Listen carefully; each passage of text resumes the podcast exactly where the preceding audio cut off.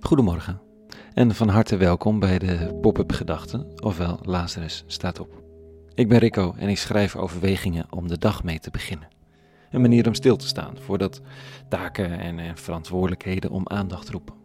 Een oriëntatie vooraf aan de beweging van de dag. Vandaag met als titel Horizonversmelting. Pop-up Gedachten dinsdag 27 oktober 2020.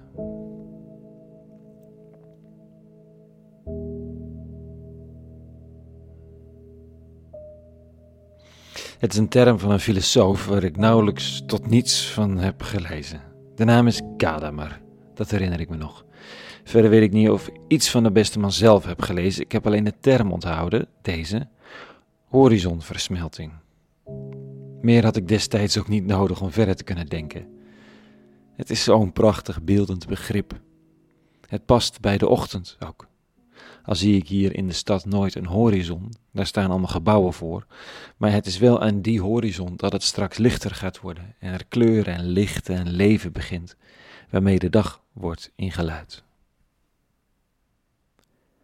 Horizonversmelting gaat bij taalfilosoof Gadamer over de verstaanshorizon. Het neemt je denkwereld, je denkraam, je kaders, begrippen en maten waarmee je de werkelijkheid meet.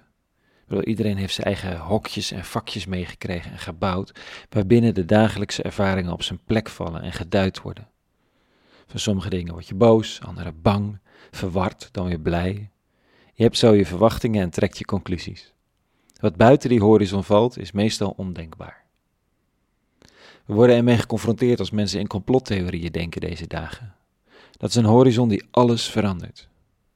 Elke poging tot weerleggen van de complottheorie is binnen de verstaanshorizon van de complottheorie een bevestiging van de complottheorie.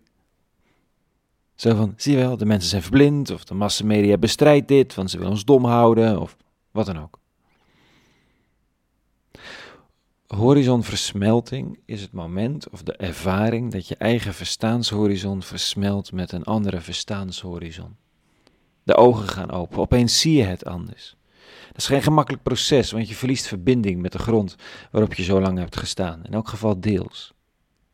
Tegelijk kun je ook niet anders, want je ogen zijn opengegaan. Misschien is elke vorm van leren wel een klein beetje een horizonversmelting. Ik zie het als onze, onze oudste leert lezen en rekenen. Eerst is het zoeken en hakkelen en mechanisch vol onbegrip proberen om de opdrachten te maken. Dan is er een doorbraak. Kijk, dan kijk je door de cijfers en de letters heen en verandert de wereld. In elk geval een beetje. Het denken wat ik zo dagelijks ochtends aantref in de Bijbelse teksten is een horizon. Een horizon waar ik graag mijn eigen horizon op een of andere manier mee versmelt de vanzelfsprekendheid waarmee Jezus van Nazareth zijn omgeving tegemoet treedt, de scherpte waarmee hij de macht aanklaagt en de outsider insluit, waarmee hij zich verzet tegen onrecht zonder de rebel te zijn om te rebelleren, die steeds weer ziet wat vergeving nodig heeft en wat vraagt om een ander soort reflectie. De rabbi leeft in een andere horizon, een zoveel wijdsere dan de mijne. Als ik ochtends vroeg mijn balkon opstap, zie ik allereerst de huizen aan de overkant. Een wolkendek, en enkele ster, dat is mijn horizon. En dan even de tijd nemen om te zoeken naar een verstaanshorizon waarbinnen dat heelal niet leeg is, maar gevuld door een levende aanwezigheid, die er altijd geweest is en altijd zal zijn, die de harten van de mensen zoekt zolang als er mensen bestaan, die mij bedoeld heeft het is een verstaanshorizon die me naar adem doet happen en waarvan ik me afvraag of die wel in mijn hoofd en hart past. En toch, door de oefening van het dagelijks lezen, stilstaan, luisteren, verkennen, versmelt die horizon stukje bij beetje met de mijne. Kijk, ik trek me weer terug in mijn eigen horizon als ik bang ben of onzeker, als ik twijfel aan mezelf en aan het leven, of als ik te druk ben om stil te staan. Maar die andere horizon lonkt. Die andere horizon heeft niet meer nodig dan het planten van een zaadje. Misschien is dat wel een pop-up gedachte als deze. Misschien is het een documentaire van David Attenborough. Misschien is het nog iets heel anders. En dan kan het groeien tot een complete horizon waar mijn dagelijkse ervaring in wordt opgenomen.